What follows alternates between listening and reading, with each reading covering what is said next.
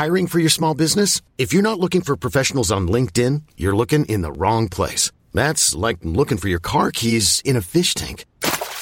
LinkedIn helps you hire professionals you can't find anywhere else, even those who aren't actively searching for a new job but might be open to the perfect role. In a given month, over 70% of LinkedIn users don't even visit other leading job sites. So start looking in the right place. With LinkedIn, you can hire professionals like a professional. Post your free job on linkedin.com slash achieve today.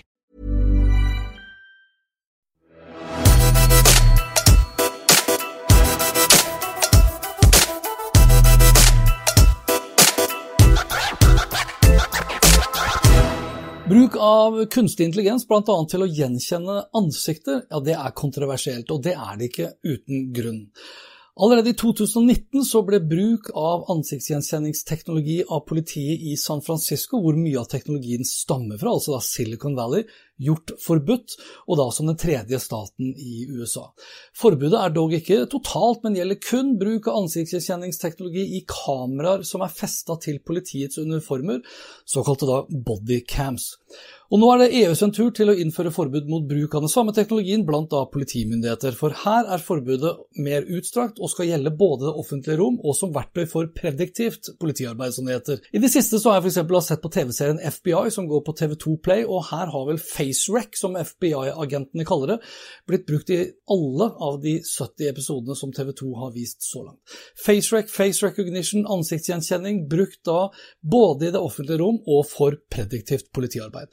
Og det gjenspeiler kanskje virkeligheten også, iallfall i USA, for bare i Los Angeles så har politiet brukt FaceRec over 30 000 ganger siden teknologien ble tatt i bruk i 2009. Og som i FBI-serien på TV2 hvor alle bad guys blir tatt av politiet innen 45 minutter har gått, så har FaceRec-teknologien også da ført til raskere arrestasjoner hos Los Angeles-politiet. Ansiktsgjenkjenning brukt i prediktiv forstand, og da gjerne i utstrakt grad utover FaceRec, som EU også vil forby, kjenner vi jo best igjen fra Tom Cruise-filmen Minority Report fra 2002. Og det er vel kanskje ikke så vanskelig å være enig om at uh, prediktivt politiarbeid er kontroversielt, nettopp fordi det betyr at politiet skal kunne drive etterforskning og potensielt arrestasjon av personer før et lovbrudd faktisk da har funnet sted. Samtidig så er det jo viktig å legge til at bruk av både kunstig intelligens og facerake-teknologi kan være svært effektive virkemidler for å overvåke, profilere, arrestere, og således da hindre potensielle kriminelle å gjennomføre da lovbrudd, eller hindre radikaliserte å utføre terrorangrep, slik vi har sett flere ganger her i Norge. Nå har altså EU-parlamentet vedtatt, og det ved et stort flertall, en ikke-bindende resolusjon som oppfordrer medlemslandene til å forby bruk av ansiktsgjenkjenning for politiet. I resolusjonen så tar man også for seg problemstillinger knyttet til bruk av kunstig intelligens på en rekke andre områder også, og da i alle tilfeller relatert da til personvernet, selvsagt. Og EU gir seg ikke der, men ønsker også å forby bruk av private databaser for ansiktsgjenkjenning, som f.eks. bruk av den beryktede tjenesten til Clearview AI, som ble saksøkt tidligere i år av menneskerettighetsaktivister i California. Clearview AI ble for øvrig utpekt av Time som et av de mest innflytelsesrike selskaper nå i 2021. Så den utviklingen her, ja, den blir mildt sagt spennende å følge med videre. Vi snakkes da.